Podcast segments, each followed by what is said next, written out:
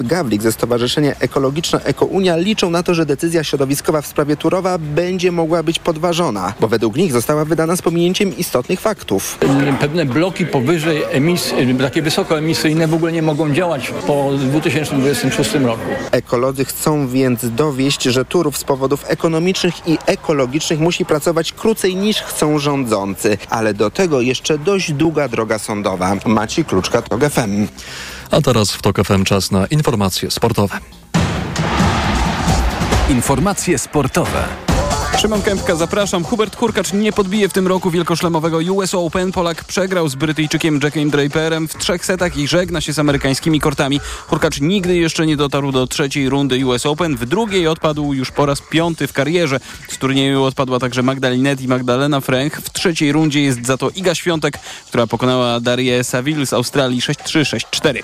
To będzie kolejny sezon bez polskiego zespołu w fazie grupowej Ligi Mistrzów. Raków Częstochowa był blisko, ale w decydującym meczu tylko zremisował na wyjeździe Sewce Kopenhaga. To oznacza, że mistrzowie Polski zagrają w Lidze Europy, a dziś o fazę grupową Ligi Konferencji powalczy Legia Warszawa. Michał Waszkiewicz. Styl w piłce nożnej nie ma znaczenia. Raków w obu meczach z ekipą z Kopenhagi był lepszy, miał przewagę, stworzył więcej sytuacji, ale u siebie przegrał 0 do 1, a wczoraj w Danii tylko zremisował 1-1. Zatem Liga Mistrzów znów nie dla polskiego zespołu, mówi trener Rakowa Dawid Szwarga. Remis, y, który finalnie powoduje, że nie awansujemy do Ligi Mistrzów, pozostawia lekki niedosyt. Przed nami jeszcze co najmniej sześć meczów, w których pokażemy, tak jak dzisiaj, że jesteśmy w stanie rywalizować e, z każdym. Raków zagra jesienią w Lidze Europy, a dziś o fazę grupową Ligi Konferencji powalczy Legia Warszawa. Po remisie w Danii 3 do 3 w rewanżu z FC Midland trzeba przede wszystkim lepiej zagrać w obronie, mówi pomocnik Paweł Wszołek. Wiele jest takich momentów, gdzie po prostu łatwo pozbywamy się tej piłki i napędzamy przeciwnika. Mecz w Warszawie dziś o 21. Michał Waszkiewicz, TOK FM. Trener piłkarskiej reprezentacji Polski, Portugalczyk Fernando Santos przerywa milczenie i uspokaja polskich kibiców.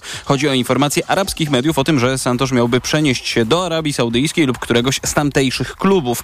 Gdybym o tym myślał, to nie byłoby mnie tu dzisiaj, po prostu wyjechałbym. Nie opuszczam reprezentacji Polski. Nie zostałem zakontaktowany po to, by... Po... Zostałem zakontraktowany po to, żeby pomóc polskiej piłce. Tak oczywiście mówił dziś portugalski szkoleniowiec. Polska z kolei zagra z Wyspami Owczymi 7 września. Trzy dni później zagra z Albanią. Oba mecze to eliminacje do Euro 2024. Pogoda. W nocy pochmurno z przelotnymi opadami deszczu, głównie na zachodzie i północy, na termometrach od 8 do 13 stopni.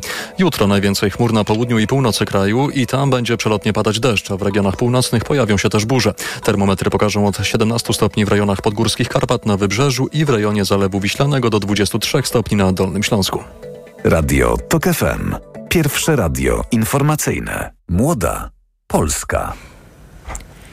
To jest Młoda Polska, jest godzina 26 i dzisiaj gościmy w studiu e, dwie działaczki edukacyjne, myślę, że tak mogę was powiedzieć. E, Zuza Kacz, aktywistka edukacyjna, współtwórczyni projektu Dom Spokojnej Młodości. Cześć, Dzień dobry. dobry. wieczór.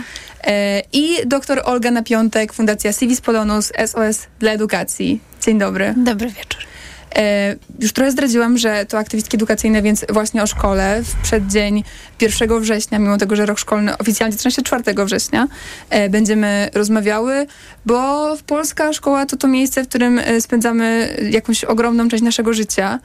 Jak ja myślę o swoim 22 prawie letnim życiu, to 12 lat to większość, więc wydaje mi się, że to zdecydowanie jest, jest temat, któremu jednak, jak już też wyszliśmy z szkoły, e, ze szkoły, warto poświęcić troszkę czasu. Zastanawiam się e, dla was, e, takie, jeśli, jeśli trochę odejść od tej waszej działalności teraz, dzisiaj, e, jakie jest takie najbardziej e, ważne, najważniejsze wspomnienie z waszej szkoły? Zuza Karcz. Prawdopodobnie było to liceum i były to czasy mm, samorządowe, e, kiedy zmienialiśmy nasz statut właśnie w szkole, o tym rozmawiałyśmy przed chwilą. Czyli to jest aktywistyczne, to tak, w ogóle nie... to było wspaniałe, bo robiłyś, robiliśmy w ogóle referendum. Mieliście referendum w szkole. Tak. Było ważne? Mieliście kworum? Było ważne. Mieliśmy kworum, mieliśmy podział genderowy, bo chodziło o zmiany strojów dla dziewcząt e, w Nikalowe. Znigalowe. Tak. E, I udało się to przepchnąć? Udało się to przepchnąć, żeby y, dziewczyny nie musiały nosić spódniczek. Okej, okay. u mnie trzeba nosić spódniczki i cieliste rajstopy. To jest jakaś Iu. rzecz, którą, która bardzo mnie... I myślę, że wciąż tak jest w mojej szkole, e, w moim, moim liceum. A dla ciebie, Olgo, co było takim momentem, który był naj, najważniejszy? No więc e, ja zaczynam szkołę w PRL-u. Więc mam dużo różnych wspomnień, ale jak mówisz o, tych, o, o, swoim działaniu i jak sobie myślę teraz o takim ważnym wspomnieniu też o wolności w szkole, która była już nie w PRL-u, ale na początku lat 90., czyli e, wtedy, kiedy e, szkoły zostały odzyskane i była chyba też jakaś taka, takie okienko możliwości, jeśli chodzi o wprowadzenie różnych e, demokratycznych procedur, ale właśnie więcej wolności. To były też czasy, więc e, dziewczyny to było naprawdę dawno, kiedy była również dyskusja o, pierwsza dyskusja o zaostrzeniu y, abor y, prawa aborcyjnego, wprowadzanie religii do szkół. Wiecie, te czasy, mhm. lata, początek lat 90., to teraz y, przypomina mi się taka akcja, którą zrobiłyśmy z koleżankami naprawdę w głębokiej podstawówce. To była siódma klasa, może szósta i e, na Dzień Wagerowicza się miałyśmy e, za coś poszebierać. No wiecie, hmm. Dzień Wagerowicza. I postanowiliśmy wszystkie w tej szóstej czy siódmej klasie przebrać się za kobiety w ciąży. A ja jako dziewczyna, która nie chodziła na religię, oh, wow. bo jestem e, właśnie, e, nie, byłam wychowana w duchu komunistycznym, czyli niereligijnym, przebrałam się za kobietę w ciąży w sukni ślubnej. O, oh, nice. No, wyobrażacie sobie. I teraz w kontekście tych różnych problemów, Lex Czarnek, nie Lex Czarnek, to z wdzięcznością myślę o tej podstawówce na Jelonkach, w której czułyśmy się na tyle bezpiecznie, że mogłyśmy ten performance przeprowadzić. Tak, ja bardzo wspominam swoją szkołę i myślę, że też czułam się w niej bezpiecznie e, całkiem. E, zależy w której szkole, w liceum już chyba na pewno. E, no ale zdecydowanie nie było tam klimatu na e, takie performance i protesty.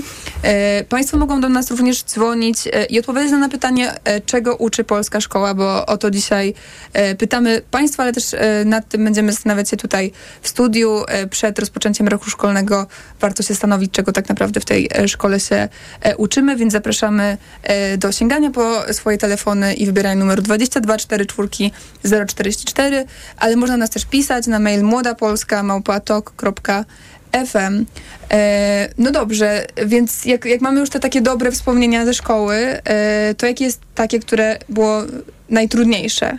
Takie, które być może zastanawiam się u ciebie, Zuza, sprawiło, że faktycznie, że twoja działalność poszła w tą edukacyjną stronę już też po zakończeniu szkoły. Zdecydowałaś się jednak tej edukacji zostać. Wiesz co, chyba to było to, że y, moja szkoła, mimo tego, że ja y, uczyłam się w Sosnowcu te ostatnie 6 lat edukacji, więc ja zawsze się śmieję, że to jest najbardziej świecka diecezja w Polsce, bo zaraz po Warszawie, bo to jest naprawdę najbardziej zlaicyzowana, druga najbardziej zlaicyzowana diecezja w Polsce i ja pamiętam, że na wigilii takiej szkolnej, na której zazwyczaj było dosyć y, łagodnie, usłyszałam yy, i teraz jeżeli ktoś słucha tego z mojego liceum, to może się zastanowi. Usłyszałam od dyrektora, że na, na, na, w ogóle na jakimś tam wspólnym świętowaniu, że wiara daje możliwość nauczania, nie? Lepszego. I, i ja w tym momencie wyszłam, bo, bo ja już od kilku lat nie chodziłam na religię i ja byłam zadeklarowaną ateistką i dalej jestem yy, i, i to był dla mnie cios. Nie? Jakby chodziłam do publicznej szkoły zawsze yy, i nagle słyszałam coś takiego.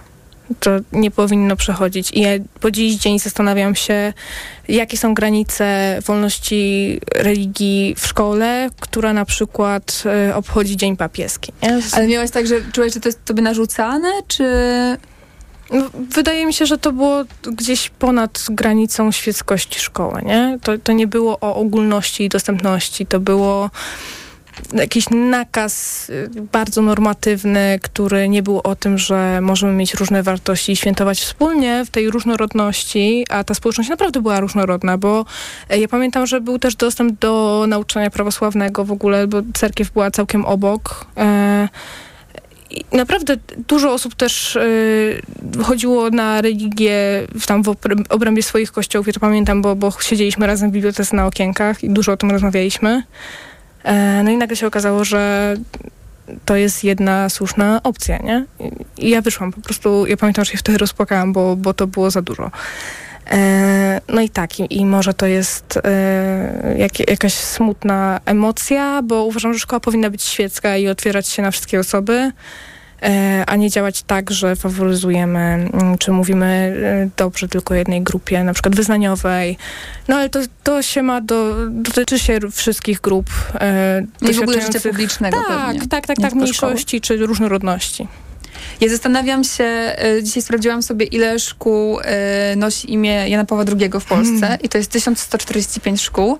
E, Jan Paweł II jest pierwszym patronem wśród wszystkich patronów polskich szkół i daleko jest długo, długo, długo nikt potem są, są kolejni patroni, więc jakby ewidentnie te szkoły imienia Jana Pawła II są jakieś najczęstsze, ale te, też e, wydaje mi się, że, to jest jakoś zrozumiałe i zastanawiam się właśnie jeszcze, może zostańmy na chwilę przy tym wątku właśnie świeckości szkoły, jak już przy nim jesteśmy. E, jak, jak wydaje wam się, no bo to też jest tak, czy, czy to po prostu nie wynika z tego, że to jest jakaś postać, która jakby już abstrahując od kontrowersji, które nasilają się i nasilały się od kilku lat tak naprawdę e, w Polsce, była bardzo ważna, no i całe pokolenie JP2 i tak dalej. Czy to nie jest tak, że e, no moglibyśmy już przepchnąć na to oko i może się o tego Jana Pawła II tak nie denerwować? Doktor Olga na piątek. Cóż, nie wiem. Znaczy myślę, że to, co powiedziałaś o tym pokoleniu JP2, to to rzeczywiście w- dla pewnego pokolenia, również dla młodych osób była ważna, oso- ważna osoba. Na pewno. Więc jak e, wiem, że są szkoły imienia Astrid Lindgren, e, nawet Pippi Landstrum bywają szkoły, to szukanie takich patronów, którzy są, ważni, którzy są ważni również dla dzieci i młodych ludzi, myślę, że jest dobrym kierunkiem. Może w pewnym, w tym, przy tym nasileniu nadawania właśnie imienia Jana Pawła II szkołom e, też tak było. Więc mnie, jako już się zadeklarowałam tylko niekatoliczki, mnie to e, bardziej nie razi, ale jak już mówimy o imieniach szkół, to mnie, mnie jest zawsze szkoda, że tak mało szkół jest imienia Janusza Korczaka, bo to jest piękna tradycja pedagogiczna e, To tak polska. faktycznie odnosząca się do Polska, edukacji. Tak, i byłoby super, gdyby nasza szkoła była ufundowana na tym, e, na tej nauce pedagogicznej, a nie na innej. Tak, myślę, że to e, jest e, bardzo ważne. Myślałam sobie teraz o moich patronach szkoły i pamiętam, że do podstawówki chodziłam imienia Charlesa de Gaulle'a i to było dla mnie jakieś abstrakcyjne bardzo, że nie, w sensie nie wiedziałam, kto to do końca i pamiętam, że Dzień Patrona to był ten dzień, kiedy dowiadywaliśmy się stopniowo, kto to, ale w liceum, i o tym chciałam powiedzieć, mieliśmy dwie patronki.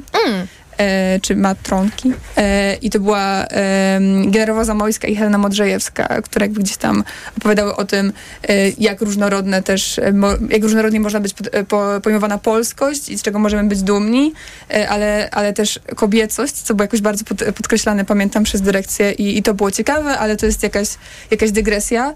I chciałam, No tak, Mhm. ale jeszcze wracając do tego wątku świeckiego państwa bo i świeckiej szkoły, to to jest ważny postulat i szczególnie teraz, kiedy jednak stajemy się coraz bardziej wielokulturowym społeczeństwem i to jest tendencja, która e, teraz się tak wyrażę, daj Boże, będzie się rozwijała ze względu na różne wyzwania społeczne, gospodarcze, które przed nami, to powinniśmy uczyć się żyć z taką szkołą bardziej świecką. Myślę, że to jest e, wyzwanie. I w międzyczasie dodzwonił się do nas pan Adam, który dzwoni do nas z Łodzi, a ja tylko przypomnę państwu, że państwo również mogą porozmawiać z nami na antenie e, i odpowiedzieć nam na pytanie, czego uczy polska szkoła. Przypominamy też nasz numer 2244 044. E, Dzień dobry panie Adamie, dobry wieczór. Dobry wieczór. Pozwolę sobie zacząć tak. Drogie dziewczęta. Ja y, y, y, chodziłem do szkoły dzisiaj uznawanej, tak myślę, za taką siermiężną, ponieważ ja kończyłem podstawówkę w latach 90. To była, znaczy koniec y, 89, 89 roku. Więc ja jeszcze przeżyłem ten czas bardzo dawnego ustroju ale w porównaniu z edukacją od lat 90., to ta szkoła faktycznie czegoś uczyła. Mimo wszystko, że tak doktryna Czyli ta wcześniejsza uczyła więcej niż ta współczesna. Oczywiście, że tak. Oczywiście, że tak. I pod względem y, y, wiedzy ze wszystkich przedmiotów, rozwijania, próby rozwijania umiejętności. Bo ja przypomnę, że y, za moich czasów były tak zwane zajęcia ZPT, gdzie my żeśmy się na tych zajęciach uczyli i jakiegoś majsterkowania, i gotowania, bo były takie zajęcia. Y, Zajęcia plastyczne były bardzo rozwinięte. E, I, technika, i plastyka. To, to takie były przedmioty, które faktycznie gdzieś tam wydobywały e, na światło dzienne umiejętności panie Adamie, nas dzieci. Ja się wtrącę, bo ja jestem, ja będę bronić, bronić, mimo że nie miałam jakiejś cudownej tej edukacji, mam wrażenie, ale i plastyka, i, i potem zajęcia artystyczne, i muzyka, i zajęcia techniczne to też były obecne w mojej szkole przedmioty. To tak wrzucam, że nie tylko ZPT. Owszem, były, natomiast ja obserwuję, ja mam brata młodszego 9 lat, więc to jest dosyć Aha. istotna różnica moim zdaniem. I e, obserwowałem jego, powiedzmy, tam poczynania w, w trakcie odrabiania prac domowych, no, w porównaniu do moich prac domowych. E, zakres lektur, formę pisania wypracowań, fiszek, sprawozdań, relacji, bo ja to wszystko przerabiałem w szkole. To uczyło nas i formy wysławiania się, i ubogacało nas też językowo. E, ale mam dwóch synów. 14-letniego i e, niebawem 18-letniego. I powiem, że to, co y, y, za ich czasów w szkole podstawowej y, i teraz w szkole średniej, mogę powiedzieć, to jest po prostu jakaś utopia. Ja już pomijam względy to, o czym panie tutaj rozmawiacie, że szkoła moim zdaniem powinna być zawsze pozbawiona wszelkich doktryn religijnych. Każdych. A czego Każdych pana jednych. zdaniem uczy polska szkoła teraz? No więc uczy schematów. Od, od powiedzmy właśnie powiedz, w jakiejś tam części lat 90. dzieci są uczone schematów, czyli zdawania egzaminów, kolejnych jakichś tam testów, natomiast nie rozwija intelektualnie po to, żeby ten młody człowiek potrafił samodzielnie myśleć, ale myśleć w sposób otwarty i żeby był przygotowany do takiego już naprawdę dorosłego życia, żeby miał tak szeroki światopogląd, oparty nie właśnie na doktrynach religijnych, już nie mówię o politycznych, bo to teraz też się wprowadza do szkół. E, Wie, wiemy, jak pan minister Czarnek do tego podchodzi i jego frakcja.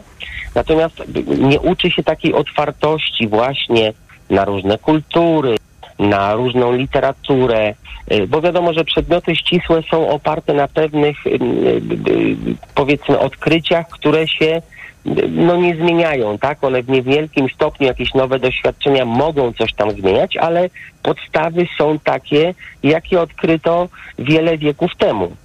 Natomiast y, ja chcę powiedzieć, że może to będzie niepolityczne, jeżeli chodzi o Radio Tok FM, który uwielbiam i słucham tylko jego, ale taki serial y, w telewizji publicznej y, opowiadał o próbie podjęcia właśnie y, y, y, reformy w szkolnictwie, gdzie właśnie dzieci miały być przygotowane z małej wsi do dorosłego życia, do tego, żeby stać się samodzielnymi na płaszczyźnie wielu życiowych, takich bym powiedział, y, no potrzeb. Ja nie wiem, o jaki pa, y, panu szkole. chodzi, Tak, serial. Ale ja się... st-. Aha. A, okej, tak. no to, właśnie. I ja ja już wręcz powiedzieć, koja- że- kojarzę bardziej z Netflixa, mówiąc szczerze. Nie z że, telewizji no być może, natomiast tego szkoła dzisiaj nie uczy.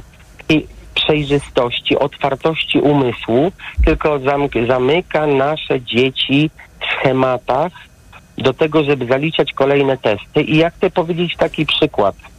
Wiele lat temu napisałem pismo odwoławcze do jednego z dyrektorów telekomunikacji polskiej. Człowieka, który dyplom tak się, prawda, by, by, by, mianował y, z wyższym wykształceniem. I jak przeczytałem jego odpowiedź, która w rażący sposób po prostu była niestylistyczna, to jeszcze miała takie błędy ortograficzne i ten człowiek się pod tym podpisał. Może miał dysgrafię, już nie bądźmy tacy surowi dla, dla osób na nie, nie, wysokich stanowiskach. przepraszam bardzo. Ja chcę powiedzieć tak. Ja właśnie dlatego dzwonię i, i zabieram głos, że ja rozumiem, że są różne powiedzmy dzisiaj by, by, by, by, by, powiedzmy schorzenia, które zostały odkryte i ja tego nie neguję. Budowa mózgu tak wpływa, nawet nie schorzenie. Oczywiście, ja, ja znaczy no, no w tym sensie No ale może to się jest inna wyraziłem. sprawa z tym pismem. Natomiast chcę powiedzieć, że owszem, zgadzam się z tym, bo ja też miałem y, y, koleżanki czy kolegów, którzy mieli znaczne problemy i z czytaniem, potem z pisaniem. Okej, wszystko to rozumiem. Natomiast gdyby nie zamykanie w taki, takie szufladkowanie właśnie pod kątem, że wypracowanie dzisiaj na przykład moi synowie piszą i na przykład jest założenie 180 użytych wyrazów. Znam to. No Jak tak. ten człowiek ma się dla siebie w sposób sp- swobodny wypowiedzieć, określić, jakie są jego wrażenia na temat, nie wiem, jakiejś lektury, czy obejrzanego filmu, czy To my zostaniemy z tym pytaniem, panie, No panie. Adamie. Bardzo dziękuję panu za ten głos. E, Jak ten młody człowiek ma sobie z tym poradzić? No mi się wydaje, że to, o czym pan powiedział, to jest, e, ja chociaż cieszę się, że do mnie się mówi właśnie dziewczyny, to też mam to doświadczenie tego Dziewczęta dziewczęta perelowskiego, e, więc jestem już starsza. Mm, Ale myślę sobie, że to jest e, bardzo trafna obserwacja i też my w SOS dla edukacji mówimy, że no hello, no tu się trzeba obudzić, to znaczy wiele metod i sposobów nauczania, e, które e, obecne są teraz w polskich klasach, no jest właśnie w takich jak w PRL-u, kiedy trzeba było nauczyć się z tej książki, przewertować encyklopedię, no bo tam była wiedza, to było bardzo fajne uczenie się tych encyklopedii, naprawdę, to, to wspominam e, z czułością. Niemniej jednak teraz te sposoby pozyskiwania wiedzy są zupełnie inne, natomiast to, co się dzieje w klasie, to o czym pan mówi, czyli uczenie się pod testy, czyli znowu wiedza wkuwana na pamięć, jest po prostu niepotrzebne. I też o czym powie to, to, ten fragment o serialu, czyli tego uczenia się życia, super ważny. I biorąc pod uwagę, że możemy korzystać z informacji w sposób dowolny, na bieżąco, na różne sposoby, to przygotowanie do kluczowych ról życiowych, by obywatela, to ja się specjalizuję w edukacji obywatelskiej, super ważne, rodzica, partnera, Pracownika. pracownika. Przecież to są te role i tutaj właśnie potrzebne jest nam pisanie niekoniecznie na 180 znaków, prawda, tylko w sposób komunikatywny, wyraźny, precyzyjny, w odwołaniu do może jakichś przepisów prawnych i tak dalej, tak jak powinien być prawidłowo napisany e, list od, e, z telekomunikacji, o którym mówił pan. No ale to są, e, to są wyzwania, które, które przed nami i też konieczna jest i zmiana podstawy programowej, czyli tego, o czym uczymy oraz tego, jak uczymy, jak i cała idea sprawdzania wiedzy. No to, że właśnie w to, na tej maturze, czy nawet na konkursach e, takich, tych olimpiadach, tam też się wpisujesz w schemat. Jeżeli nie wymienisz tych czterech elementów, które są w karcie, ko inne, bo się bardziej zainteresowałeś, nie daj Boże, tematem, no to nie przejdziesz. No to jest no tak, chore. no i potem to też jest tak, że, że są e, olimpiady i olimpiady, no nie? W sensie ja pamiętam właśnie jakiś taki trend e, w, w szkołach średnich e, w moim mieście, że wybierało się olimpiady, w których wiedziano, że prosto zostać finalistą czy laureatem po to, by e, mieć tak zwane indeksy, no nie? Czy jakby dostać się po prostu na studia, nie przejmować się maturą, tylko mieć 100% tam z danego e, przedmiotu. E, I wiem, też byłam częścią, częścią tej zmowy e, i wydaje mi się to oczywiście naturalne, no nie? W sensie to jest normalne, że będziemy jakby wykorzystywać różne możliwości po to, by po prostu e, było nam łatwiej, czy, czy było nam bardziej, bardziej dogodnie przejść do, na studia i tak dalej, i tak dalej, w kolejne etapy edukacji. Myślę, że to, co poruszyłaś w kontekście podstawy programowej, to jest coś, co, do czego ja bym bardzo chciała wrócić, ale zanim to dozwonił się też do nas pan Olaf, który dzwoni do nas z Anglii. Dobry wieczór. E, Dobry wieczór paniom, dobry wieczór wszystkim słuchaczom. Na samym początku chciałbym bardzo podziękować za e, pomysł, żeby audycja Młoda Polska pojawiła się w radiu. To jest e, pierwszy raz, odkąd ja Ale nam słucham miło, no. odkąd ja słucham radia praktycznie co miesiąc, e, co, co tydzień, co tydzień od, od samego początku emisji audycji. Wcześniej tylko internet, Spotify wiadomo, a radio warto, warto wspierać TOK FM, warto być subskrybentem, bo To powiem panu jeszcze naprawdę- przedpremierowo, że w tym tygodniu jesteśmy też w sobotę od 10. Zapraszamy do słuchania. No, to, to już na pewno, dziękuję. nie zacytuję. E, Odpowiadając, także jeszcze raz dziękuję bardzo za tę audycję, bo jest naprawdę bardzo wartościowa, zawsze wartościowi goście, wartościowi tema, wartościowe tematy. Mam nadzieję, że zarząd tego posłucha. Bardzo dziękuję. No a co z tą szkołą? Czego uczy polska szkoła? Co z tą szkołą? E, Moim zdaniem szkoła obecna uczy kultu wodza. A dlaczego tak uważam? Dlatego, że mm, Przemysław Czarnek, ja go nie nazywam ministrem, bo to jest w ogóle obraza. Obraza, tak jak nazywanie y, urzędnika obecnego głową państwa. No przepraszam, to jest moje zdanie. Także Przemysław Czarnek robi wszystko, żeby było kult jednostki, kult wodza. No ja, co to jest za pomysł, żeby wprowadzić, y, jak to się nazywało, hit? Tak, dodaję historia i teraźniejszość, nowy ja przepis. dodam jeszcze do tego literkę z przodu S. ale to nie, nie, nieważne, to jest, to jest moje przemyślenie. No co ten, co ten przedmiot ma tych dzieci nauczyć?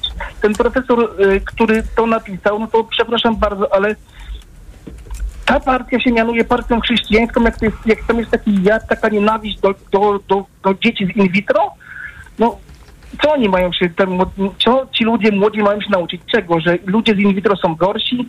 Ja, ja powiem tak, y, jeżeli ja będę miał dzieci w, w przyszłości, na pewno z nimi do polskiej szkoły nie wrócę, jeżeli się y, do Polski w ogóle, do szkoły polskiej nie dam w Polsce, dlatego że władza doprowadzi do nienawiści. Nienawiści na tle rasowym, na tle religijnym, na każdym tle. Minister Czarnek e, być może już wtedy nie będzie e, ministrem edukacji, tylko będzie premierem, bo, bo takie wobec niego podobno są plany w Prawie. Sprawiedliwości, więc to może... To, może pan- to może Mateusz Morawiecki prezydentem, no to ciekawy jestem. O, nie no, to już, to, to będzie dopiero cyrk. Ale A- ja Ale pana zdaniem, tak już abstrahując właśnie od, od tych politycznych spraw, które oczywiście są ważne i jakby fundamentalne w, w rozmowie o polskiej szkole, to y, co pan pamięta ze swojej szkoły? Czego pana nauczyła szkoła? I, i uczył się pan w Polsce, jak, jak, jak, y, jak się spodziewam. Więc Tak czego pana y, nauczyła polska szkoła? No, wie pani co, y, uczyli, uczyli nas y, no wszystkiego, wszystkiego, nawet gotowania, nawet robienia Gdzie y, tak? w drewnie. Mm, To akurat było w, w szkole pod Warszawą. Okej. To województwo mazowieckie zawsze ma po prostu lepiej. No teraz nie wiem, teraz nie wiem jak tam wygląda sytuacja, ale w każdym razie bardzo dobrze to wspominam. A co do jeszcze serialu, o którym pan wspomniał, słuchacz, czy wyobrażacie, czy wyobrażają sobie panie, jakby ten serial obecnie był emitowany na antenie e, telewizji? Przecież kurs by tego na pewno nie puścił. No myślę, żeby nie puścił, e, ale też e, e, Kurski nie jest już dawno prezesem telewizji polskiej. Bardzo panu dziękujemy za ten głos. Ja również dziękuję, pozdrawiam serdecznie i wszystkiego dobrego. Jeszcze raz dziękuję wszystkim za wszystkim, którzy się pojawili. Dziękuję pani za prowadzenie, dziękuję zarządowi. I przy okazji, jeżeli mogę, no to jest w sumie reklama, ale radio, w Radiu Z jest audycja o 21.30 w niedzielę. Gra o głosy, to też warto słuchać tego. I szkoda, że nie udało mi się dodzwonić, kiedy był towarzysz Marek Suski, specjalista od kneblowania mediów. A jeszcze jedną rzecz chciałem powiedzieć. Jeżeli ktoś słucha za granicy, ludzie, przyjeżdżajcie do Polski 15 października, bo za granicą głosu nie, po, nie policzą. Już się rząd o to nasz postarał. To są brednie, że będą głosy liczone. Tego, tego, tego nie wiemy. Myślę, że warto głosować gdzie, gdziekolwiek e, można, zawsze warto iść i, i głosować. Ale wracając, już, już trochę odchodząc od, od faktycznie tej sceny politycznej, bo bardzo chciałabym, żeby ten program był o edukacji i żeby był o szkole i o tym, o czym często w kontekście szkoły się nie mówi, czyli o uczniach i o uczennicach. E, no i do nich myślę, to myślę sobie o tej podstawie programowej i myślę, jak sobie myślę, jaka jest podstawa programowa w polskiej szkole, szkole to pierwsze jakieś takie słowo, które przychodzi mi na myśl, to e, przeładowana. Że zdecydowanie e, możemy sobie mówić, że polska szkoła niczego nie uczy, albo uczy wszystkiego i niczego i tak naprawdę te rzeczy są nieprzydatne. Te rzeczy, które powiedziałeś o tym, że nie przygotowuje nas do życia e, jako, jako obywatela, jako pracownika i tak dalej, i tak dalej, oczywiście są ważne i jest wiele rzeczy, które brakuje w tych podstawach programowych, ale finalnie mam wrażenie, że i tak jak jesteśmy w szkole, to ciągle musimy się uczyć, ciągle musimy zdawać kolejne testy, ale też faktycznie tego materiału jest niesamowicie dużo. Jak myślę sobie o maturach, o tym, że po prostu siadamy z taką ogromną książką. Ja zdawałam maturę z historii, jak przypomniałam sobie, że po prostu przez dwa miesiące teraz muszę e, w covid sama szybko po prostu przepisać repetytorium z historii, żeby zapamiętać wszystkie ważne daty z historii ludzkości. Wydaje mi się to absurdalne. No i właśnie, co, co z nią zrobić? Jak jedno, jednocześnie dodać ważne wątki do podstawy programowej, ale też ją uszczuplić? Mi się wydaje, że my, to, co jest przed nami jako społeczeństwem, poszczególnymi szkołami, społecznościami, to jest e, nowa wyobraźnia. Potrzebujemy nowej wyobraźni w edukacji e, i uczenia się od innych państw, ale też naprawdę wyobrażenia sobie czegoś innego i zrobienia trochę inaczej niż do tej pory. E, jak myślę sobie o tej podstawie i tym, czego uczymy, to to są właściwie takie taki akademicki kurs przystosowany dla dzieci, prawda? Mhm. Taką historię, mniej więcej, wyobrażam sobie, że na studiach historycznych robi się mniej więcej te same tematy w tej samej kolejności, tylko troszkę więcej tego jest, a tam od czwartej klasy to Więcej tekstów źródłowych. Tak, że to jest po prostu takie, taka przekazanie tak, naukowej wiedzy dzieciom, tak żeby i młodym ludziom, żeby byli tacy e, a, a, aktualni, jeśli chodzi o to, co wiemy o świecie. I teraz pytanie jest, czy to jest rzeczywiście teraz to powinno być taki rdzeń naszego działania w szkole. Czy może mo- właśnie powinniśmy wychodzić od tych ważnych ról, od tego albo zadawać sobie pytanie, czy, co powinien wiedzieć młody człowiek, dziecko, żeby być szczęśliwe. Niekoniecznie jak dorośnie, tylko już teraz. Co powinno wiedzieć e, o zdrowiu, co powinno wiedzieć o państwie, co powinien wiedzieć o relacjach, czy powinno umieć kochać czytanie. Czy ja, ja się pracuję dużo z bibliotekami publicznymi, zajmuję się też rozwojem czytelnictwa. Kurs języka polskiego nie jest kursem zachęcania do czytania, czy rozwijania umiejętności czytania, prawda? To jest jakaś taka kurs Historii literatury wręcz. ale jakie literatury? Też nie za bardzo. No No, też, też nie- taka polonistyka, podsta, pod, podstawowa Tak, no polonistyka. to jest Taka- mieszane razem z Prawda? Dyktandami takie, tak, to jest i takie błędami ortograficznymi. I też nie kończymy tej szkoły z taką umiejętnością właśnie czytania, pasją, dobrymi doświadczeniami z tym związanymi. Więc gdybyśmy zaczęli i generalnie też zaczęli od tego, czego naprawdę ludzie potrzebują teraz, e, żeby żyć zdrowo, być szczęśliwymi, odnajdywać się na rynku pracy. Zresztą tego na rynku pracy to zawsze akurat jest najwięcej, prawda? Człowiek jako pracownik, ale też bycia właśnie konstruktywnym obywatelem w swojej Ale może myślisz, że tego jest społeczności. najwięcej w szkole, że Znaczy, o rynku jeśli pracy się mówimy, uczymy dużo? jeśli mówimy to o takiej, e, powiedziałabym, takiej orientacji na pracownika, choć to jakby Mm. też nie jest. Pracodawcę. Jeśli o tym mówimy, Tak, o, mam tak. wrażenie, że uczy się nas być pracodawcą i, i ja pamiętam z, nie wiem, z podstaw przedsiębiorczości e, robienie biznesplanów, a nie wypełnianie po prostu PIT-u albo nawet, nie wiem, nauka o związkach zawodowych, no tak, nie? W czy sensie- umowa o pracę, Dokładnie. prawda, jak działa, jak ją podpisać, kiedy i tak dalej. Więc jest trochę tak, że te rzeczy, które właśnie są o, o prawach pracowniczych, które de facto są trzonem no, znacznej większości e, życia ludzi w naszym kraju, no bo jednak jesteśmy krajem pracowniczym zdecydowanie. E, te rzeczy uczymy się ich, jeśli się ich nauczymy, to przez przypadek albo przez to, że po prostu e, trafimy do, do zakładu, w którym związek zawodowy już jest, co znowu jest rzadkie, no bo w Polsce Tak. uzwiązkowienie jest niskie. To gdybyście mogły wyrzucić trzy rzeczy z polskiej, wiem, że to jest trudne na pewno, żeby wskazać trzy konkretne, ale jakoś o- uczepiłam się ostatnio e, do pytywania swoich gości o jakieś konkretne rzeczy. Zastanawiam się, gdybyście mogły wyrzucić trzy rzeczy, które nie powinny się już więcej znajdować e, w polskiej podstawie programowej, to co, co to by było? propaganda. To znaczy, serio, jestem bardzo za tym, żeby nie wprowadzać przedmiotów na chybcika, tak zwanego, i robić rewolucji w przedmiotach. Mówię znowu o hicie, czyli historii teraźniejszości, która powstała w zasadzie na kolanie i, i ta podstawa programowa zawiera jakieś określenia, które nigdy nie powinny zaistnieć, e, bo, bo są nieprawdziwe, nie pokrywają się z rzeczywistością i po prostu nie istnieją w literaturze chociażby socjologicznej czy politologicznej, tylko są wymysłem po prostu jakimś ideologicznym, więc to jest chyba pierwszy rzut. E, Ale to, czego na pewno e, bym nie chciała, to, to właśnie takie obkuwanki. Ja pamiętam e, dobrze, jak wyglądał WOS i mam bardzo duży żal do tego, bo ja kochałam WOS. Znaczy, naprawdę wiedza o społeczeństwie była wspaniała e, i też się uczyliśmy dużo z encyklopedii, ale pamiętam, że akurat w tym kontekście olimpijskim to była Wikipedia już i wszyscy zawsze polecali Wikipedię, ale nie polską, a angielską. E, I też, też To też nie jakieś idealne źródło. Nie, ale była dosyć aktualna i dosyć szybko się aktualizowała, więc to, to było spoko źródło pod tym względem. Em, I były przepisy.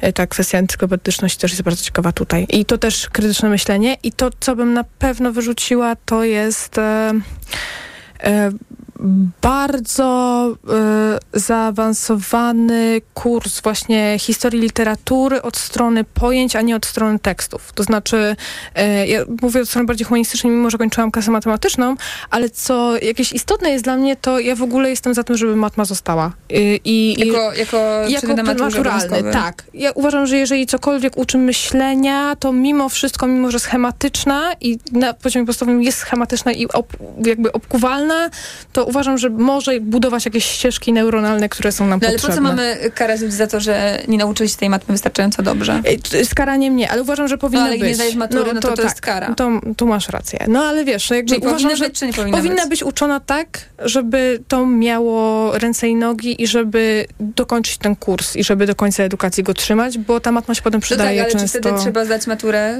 No bo... Nie, nie. Nie, uważam, że Wygrałam była, tą- wygrałaś tą dyskusję. Gratulacje. W ogóle uważam, że matura mogłaby iść do lamusa. Jeżeli ktoś nie ma potrzeby iść na studia, to niech na nie nie idzie i jakby super. Tak, ale Polacy też są tym narodem, który, e, czy, czy tą społecznością, która Awans najczęściej chodzi na... społeczny. No nie wiem, czy awans społeczny, czy raczej e, wymagania od pracodawców, by każdy miał e, licencjat minimum. I oczekiwania społeczne w ogóle co do wykształcenia. Tak, których- chociaż też jakby, jakby wydaje mi się, że właśnie ta kwestia statusowa taka, że e, zwiększamy swój status dzięki temu, że kończymy studia, to już, to już nie, ten, nie ten moment. Tak, tak mi się wydaje.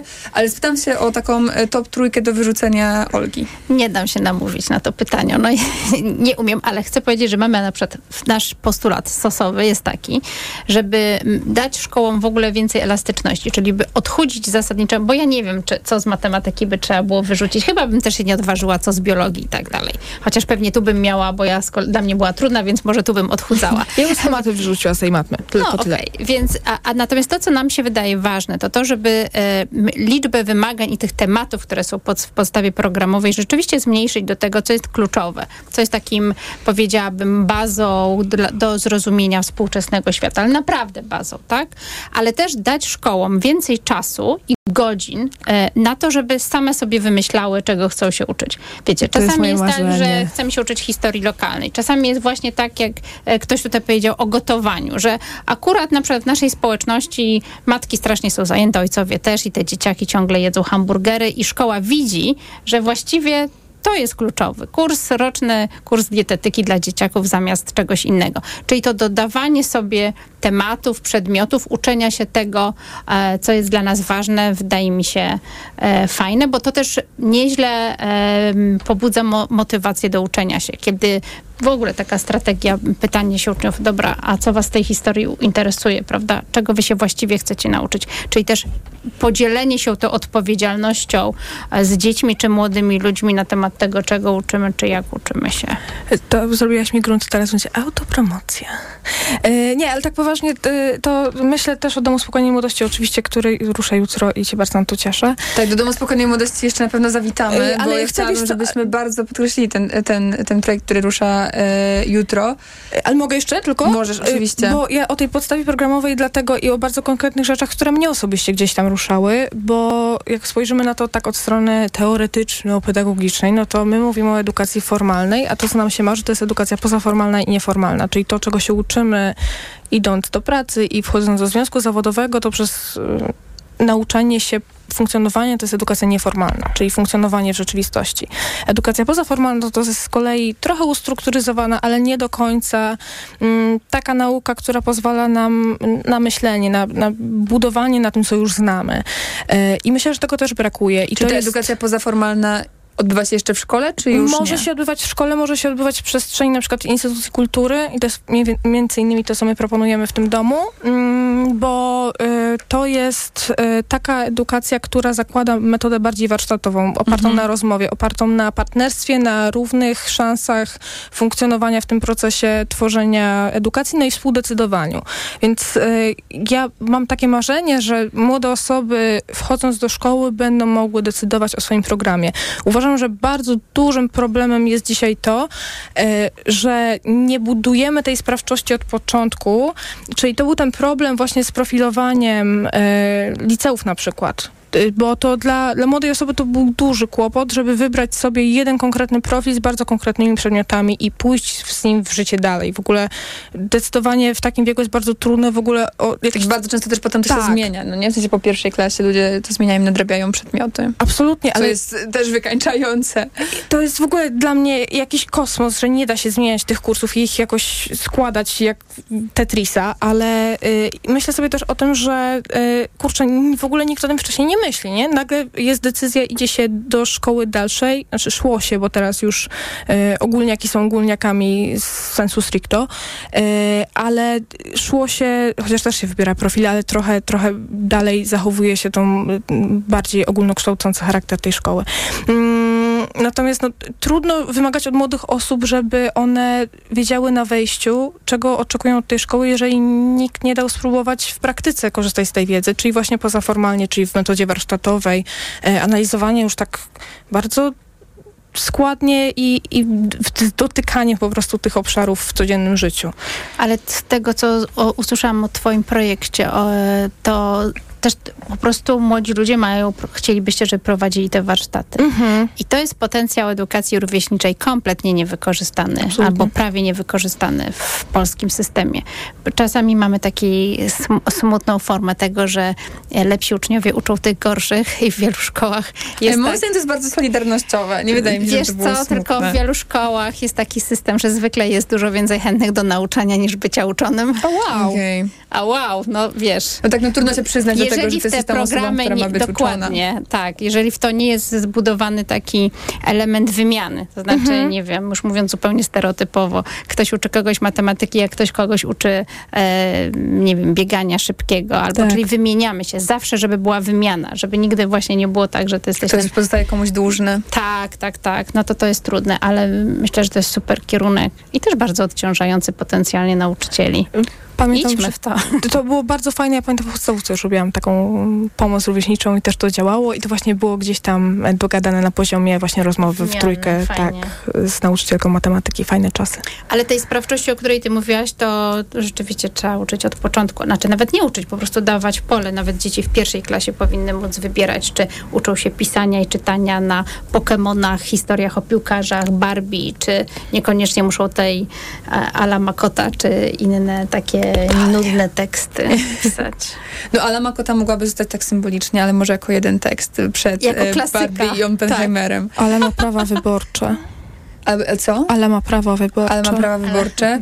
No nie wiem, czy Ala ma już prawa wyborcze, jeśli jest Alą w e, pierwszej Ale klasie będzie- szkoły podstawowej. Ale będzie Ale może wybierać do samorządu To już jest uczniowskiego. I ma to zapisane w ustawie prawie oświatowym. No. W międzyczasie zadzwonił się do nas pan e, Bartosz z Warszawy. Dobry wieczór. Czego Dobry pana wieczór. zdaniem uczy polska szkoła?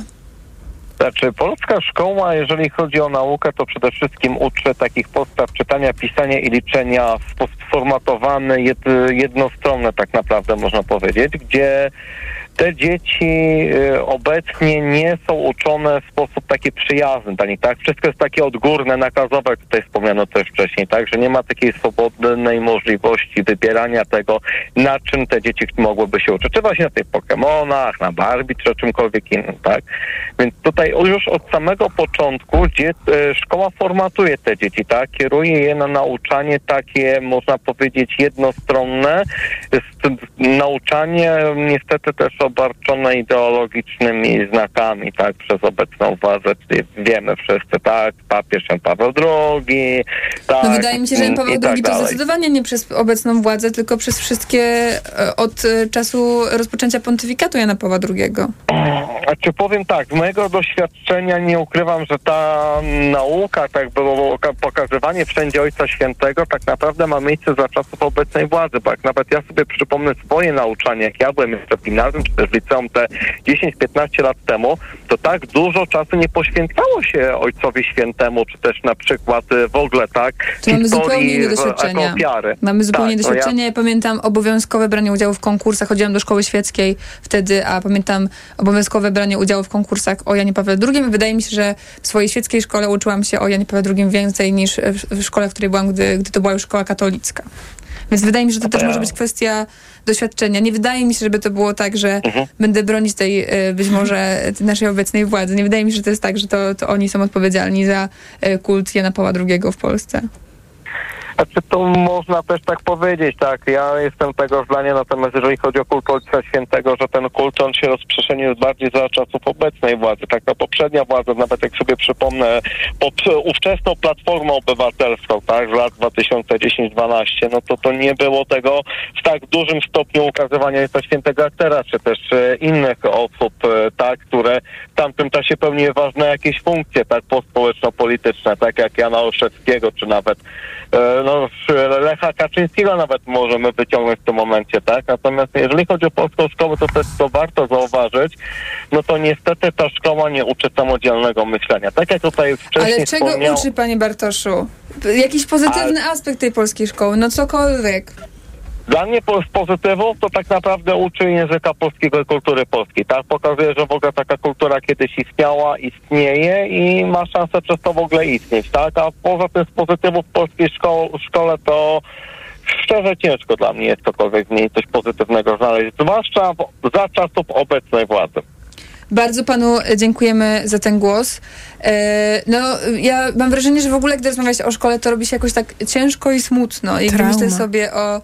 Trauma to, to jedno, ale też wydaje mi się, że gdy rozmawiamy o tym na takim poziomie systemowym i politycznym, to zauważamy wszystkie te złe rzeczy i oczywiście dużo z tych e, trudnych emocji, czy wszystkie te trudne emocje oczywiście e, mają, mają, mają sens, jakby są... E, e, są jakby zrozumiałe, no nie? Ale zastanawiam się tak naprawdę, czy są rzeczy, które w tej polskiej szkole nas cieszą, czy te rzeczy, które też patrzymy sobie na inne systemy zagraniczne, które w polskiej szkole, szkole po prostu wyszły? Y, Mi się wydaje, że generalnie y, te- ten, i to jest może też powód, dla którego y, my działamy w y, ruchu SOS dla edukacji. Ten system ma ogromny potencjał. To nie jest taka sytuacja, w której właściwie tylko zaorać. Tak nie jest. Jest naprawdę y, duży potencjał. Y, Czy nie prywatyzujemy szkół, nie rozdajemy nie, bonów nie, nie, na właśnie, edukację? nie, pry- właśnie jeszcze, i- Tak, ale to jest moment, znaczy tak, mamy duży potencjał, ale to jest moment, żeby działać. Te, to, o czym wspomniałaś, czyli takie uciekanie do e, s, sfery pry, pry, prywatnej ze Choć szkół tylko. Tak, czy do edukacji domowej, to, to, y, to ma miejsce, ale wciąż y, jednak polskie szkoły publiczne to nie są szkoły amerykańskie czy brytyjskie, w których to rozwarstwienie właściwie jest y, powszechne, tylko jednak je- są miejscem spotykania się społeczeństwa i to jest najcenniejsze, bo Tak, rewolucje zaczynają się w stołówkach. tak, ale też ten wymiar systemu edukacji jako e, narzędzia e, budowania więzi społecznych, takiego znania się, poznawania się i kleju społecznego, lokalnego, e, dzielnicowego jest nie do przecenienia. I jak się rozwarstwimy w miastach, w miejsc większych czy mniejszych, to, to z tego rodzi się wiele, wiele kłopotów. I ja powiedziałabym, że ten potencjał jest też w tym, że jednak mamy wielu nauczycieli, mamy dobrze wykształconych nauczycieli, mamy generalnie też coraz lepszą infrastrukturę. Natomiast y, to, co jest wyzwaniem, to, to, to to, że ta szkoła jest nie dość adekwatna do dzisiejszych czasów i potrzeb, że naprawdę ja, ja też nie uważam, że trzeba, że, że to byłoby jakieś mega super trudno zmienić. Natomiast te, te, te zmiany po prostu trzeba wprowadzać, żeby nie marnować szans, nie marnować talentów dzieci i młodych ludzi, bo teraz po prostu trochę marnujemy. Trochę. Ja pamiętam, dużo jak, jak szłam do podstawówki i, i zupełnie tego nie rozumiałam wtedy, ale e, po latach rozumiem. E, w sensie e, rozumiem ten, ten mechanizm, e, że na moim jakby roczniku było klas, była klasa A i klasa B. I klasa A była klasą rejonową, a klasa B nie była klasą rejonową.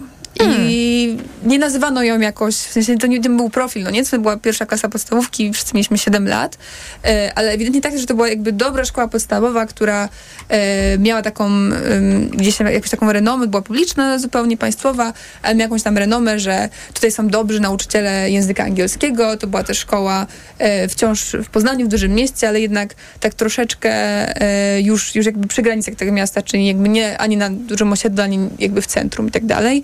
Więc też mówiono o tym, że tam jest bezpiecznie, że jest więcej zieleni, że jest ogromny teren szkoły.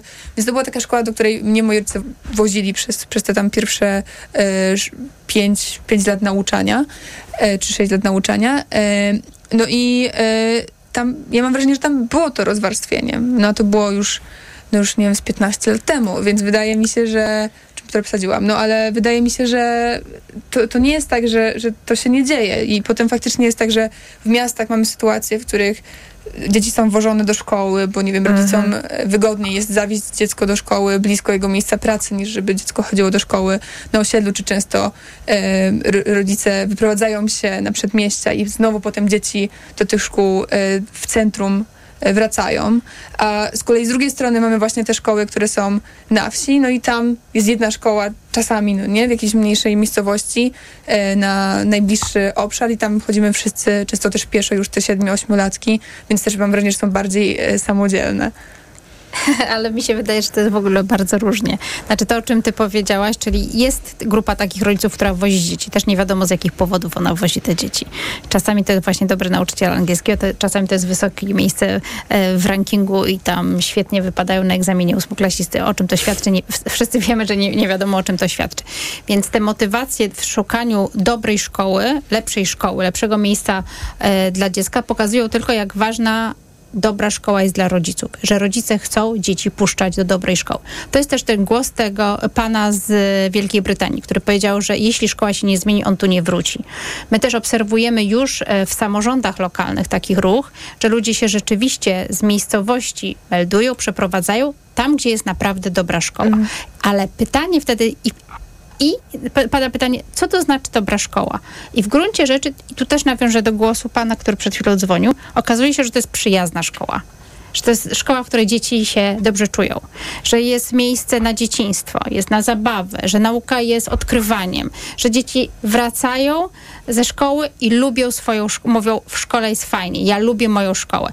I to, co też wy, wy, e, widać w badaniach dotyczących e, edukacji międzynarodowych, to polskie dzieci są jedną z, z, tych, y, z tych narodów, które najmniej lubią szkołę. I w tym, i teraz można sobie powiedzieć, czy do tego trzeba dużo pieniędzy, żeby dziecko lubiło szkołę. Ja wczoraj byłam, prowadziłam warsztaty y, z młodymi ludźmi, którzy już kończą edukację, no i tam szukaliśmy, no, spisywaliśmy postulaty, co trzeba zmienić i co, co jest trudne. I oni, Dzień jak co dzień. tak, tak, dzień jak co dzień, dokładnie, u mnie dzień jak co dzień. No i jak jeden z postulatów, chciałbym się w szkole nie bać. E, Doświadczenie koleżanki mojej córki w liceum w Warszawie, one sobie mierzą tętno, jak siedzą na fizyce. Puf, puf, O puf, Boże, przed miałam zawał, to. tak? Miał. O Jezu, mnie za, przecież bo Ale- ja jestem już zegarkowa. Ale czy to kosztuje, to żeby to zmienić? Czyli my też... Pikało. Czyli to nauczycieli, nauczycieli wina. Wiesz co, trochę nauczycieli y, tego, że sobie na to pozwalamy, trochę nas rodziców, że nie stajemy i mówimy po prostu nie. No, jeśli jeszcze jedna taka lekcja będzie, no to koniec. Koniec, koniec ze wszystkim. Koniec ze wszystkim. Tak, kończymy.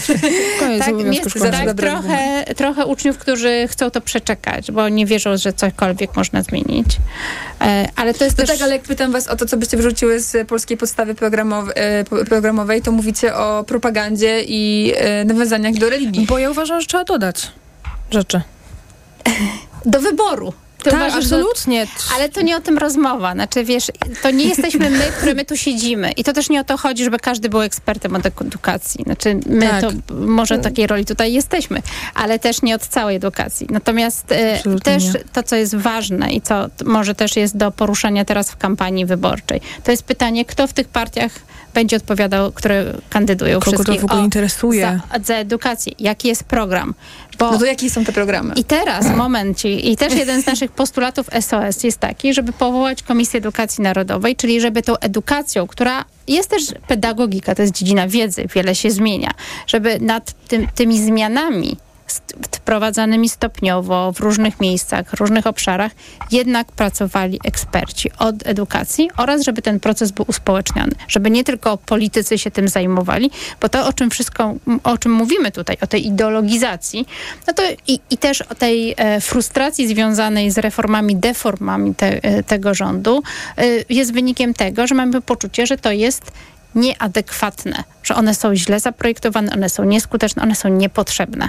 I teraz, żeby było inaczej, to nie my tutaj, prawda, będziemy skreślać teraz po trzy rzeczy, a pan co skreśli, a może jeszcze ankietę wśród społeczeństwa No zrobimy. ale każdy ma jakieś takie swoje e, znienawidzone rzeczy i Tak. marzenia. Wydaje mi się, że to jest ważne też, żeby Dobrze, sobie, dobrze. sobie o nich Pobyć rozmawiać. sobą. A trochę, trochę mnie teraz wystraszyłaś y, tą Komisją Edukacji Narodowej. Jak już słyszę w ogóle narodowej, to już mnie y, trochę coś mnie A jak w trzepie. Ameryce coś jest national, też cię trzepie? E, nie, tylko w To jest Ameryce bardzo dobra jest odpowiedź. trochę... To jest bardzo dobra odpowiedź. Tak, tylko w Ameryce jest też trochę inne podejście i tam pod tą jedną flagą jest bardzo duża różnorodność, która pod polską flagą nie jest kojarzona z różnorodnością. To mam takie To jest doświadczenie. głowy Zuza, moim zdaniem. E, może tak, ale to też jest moje doświadczenie przebywania Ale tam, może więc sobie ten naród też się... Odzyskamy sobie Ale właśnie, ten naród. ale może naród. państwowe. Tak, tak, tak, dokładnie. Ale dobra, ale Sobie. ja, ja się trzymam gdzieś tam...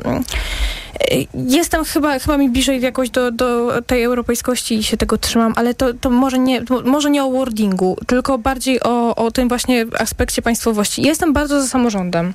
To znaczy, ja uważam, że mamy gigantyczną siłę tego, że mm, samorząd jako organ nadzorczy jest najbliżej prawdopodobnie szkoły i niestety e, to niestety są dosyć stare badania, bo jakoś z początku lat dziesiątych, ale pamiętam, że e, jeżeli patrzyło się na zarządzanie edukacją, e, to niestety nie wymieniało się gdzieś wysoko roli dyrektora jako y, mediatora, e, osoby pośredniczącej w relacjach szkoły z samorządem, a ja mam wrażenie, że jednak to jest dosyć istotne, patrząc na na przykład na finansowanie, na programy autorskie i tak dalej. E, No i myślę, że te takie y, działy oświatowe, które są gdzieś lokalnie, one najlepiej znają potrzeby, bo na przykład mamy doś, doświadczenie, nie wiem, no ja, ja jestem z Zagłębia, ale Śląski jest mi całkiem niedaleki, więc myśl, jeżeli myślę o edukacji regionalnej śląskiej, no to pewnie najlepiej te samorządy by się na tym znały. E, I może to jest ten pomysł, tak wrzucam, jak czegoś będziecie potrzebować w SOS-ie, to ja się zgłaszam, że tak, że, że mam na to jakiś tam mały pomysł bardziej właśnie podchodzenia oddolnie, bo ja bardziej wierzę w tą oddolność i, e, i, i właśnie nie tego ujednolicania. Uważam, że siła Polski, może tam masz to jakoś szerzej rozpisane, tutaj autodeskrypcja, y, Olga patrzy w program e, SOS dla edukacji, E, ale w każdym razie y, Myślę sobie, że y, warto byłoby być jak najbliżej tej jednostki y, klasy, szkoły, rodziców i też dawania przestrzeni na rozmawianie w ogóle w tej triadzie, o, o której też rozmawiałyśmy przed programem, czyli właśnie uczniowsko-nauczycielsko-rodzicielskiej, bo ona tworzy nam tą społeczność szkolną i to jest po prostu dla mnie must have, ten taki trójkąt, żeby tworzyć dobrą szkołę. Do e, postulatów, e, które przeglądała Olga w międzyczasie, gdy Zuza mówiła, e, do postulatów SOS dla edukacji jeszcze wrócimy, a w zasadzie nie postulatów, tylko 10 takich punktów programowych, które SOS e, proponuje e, na pierwsze 100 dni nowych rządów. Mam wrażenie, że e, co program to rozmawiamy o różnych e, pomysłach na pierwsze 100 dni nowych rządów, więc nowa władza na pewno będzie miała e, dużo pomysłów. Donald Tusk przedstawi swoje, więc jestem ciekawa, co tam będzie o edukacji, a w nie międzyczasie... wystraszmy ich. W międzyczasie zapraszamy Państwa na informacje i przypominamy, że można do nas również w czasie przerwy dzwonić na numer 22 44 044. Dzisiaj pytamy Państwa o to, czego uczy polska szkoła. Młoda Polska.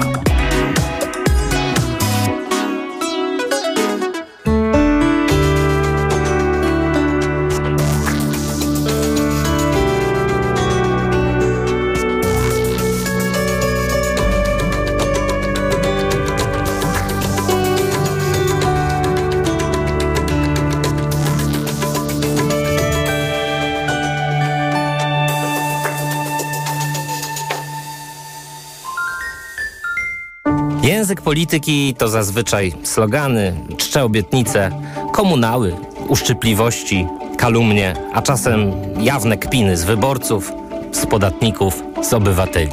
Spróbujmy z tego wycisnąć esencję. Prawda jest ważna. Proszę Państwa, żarty na bok. A teraz na poważnie. Program Mikołaja Lizuta. Od poniedziałku do piątku po 12. Zapraszam, Mikołaj Lizut. Radio TOK FM. Pierwsze radio informacyjne. Czwartek, 31 sierpnia, minęła 21. Informacje TOK FM. Arkadiusz Urbanek. Informacje zaczniemy od najnowszych przewidywań ekonomistów związanych z inflacją. Ta obecnie jest na poziomie nieco ponad 10%. Wołodymyr Zełański zapowiada start w przyszłorocznych wyborach prezydenckich w Ukrainie, jeśli te rzeczywiście się odbędą. Powiemy też o kontroli posłów opozycji w resorcie zdrowia, a to w związku z zakażeniami bakterią Legionella. Inflacja w Polsce miała być jednocyfrowa, a wciąż utrzymuje się powyżej 10%. Główny Urząd Statystyczny podał, że inflacyjny wynik za sierpień to dokładnie 10,1.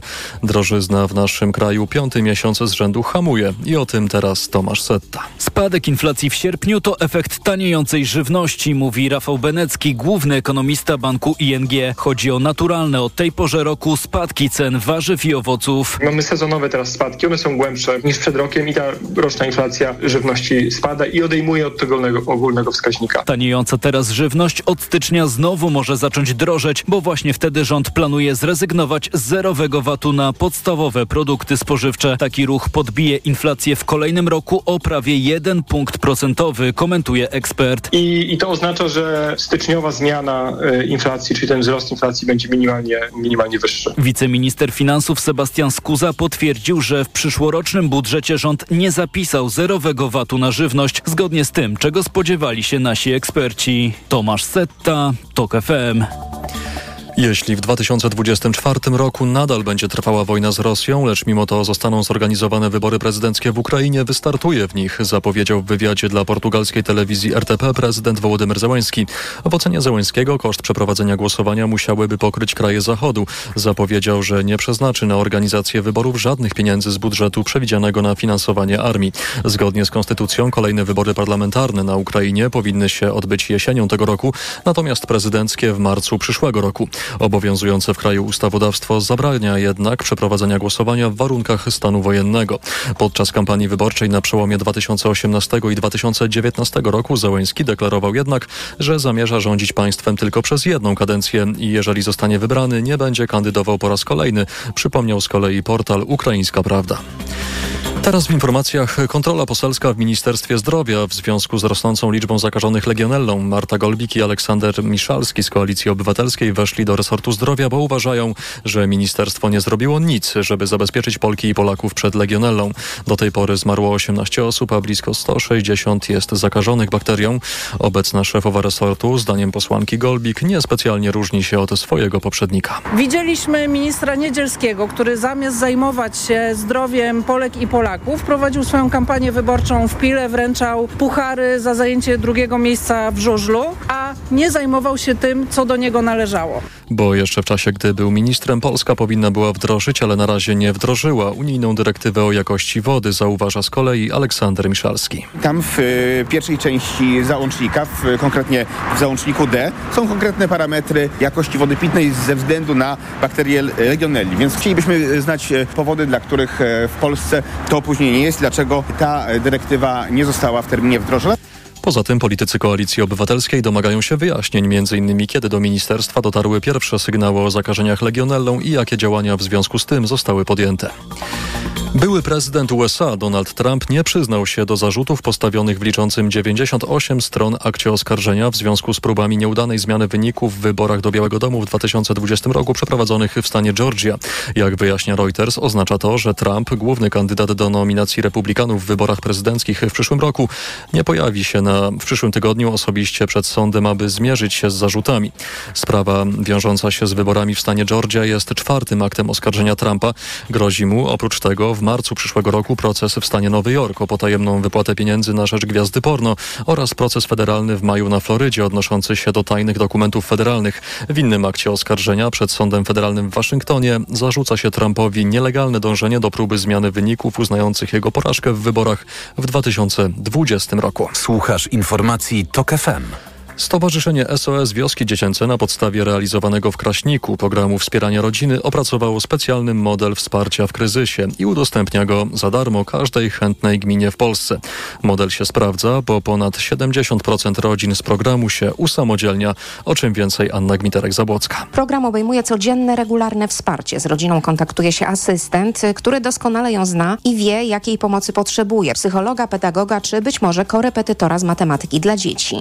Chodzi o to, by dzieci nie trafiały do domów dziecka czy wiosek dziecięcych, mówi prezeska stowarzyszenia Barbara Grasińska-Ciereszko. Dlatego, że rodzic biologiczny jest rodzicem najlepszym. Natomiast chodzi o to, żeby tego rodzica przygotować, czasami zmienić, czasami pokazać mu, jak trzeba wyjść z problemów i będzie mógł dać miłość i spokojny byt swoim dzieciakom. W ramach programu dostępne jest szerokie wsparcie po to, by pomóc rodzinie wyjść z kryzysu, podkreśla psycholog Łukasz Łagut. Nie wyręczamy, towarzyszymy, wspieramy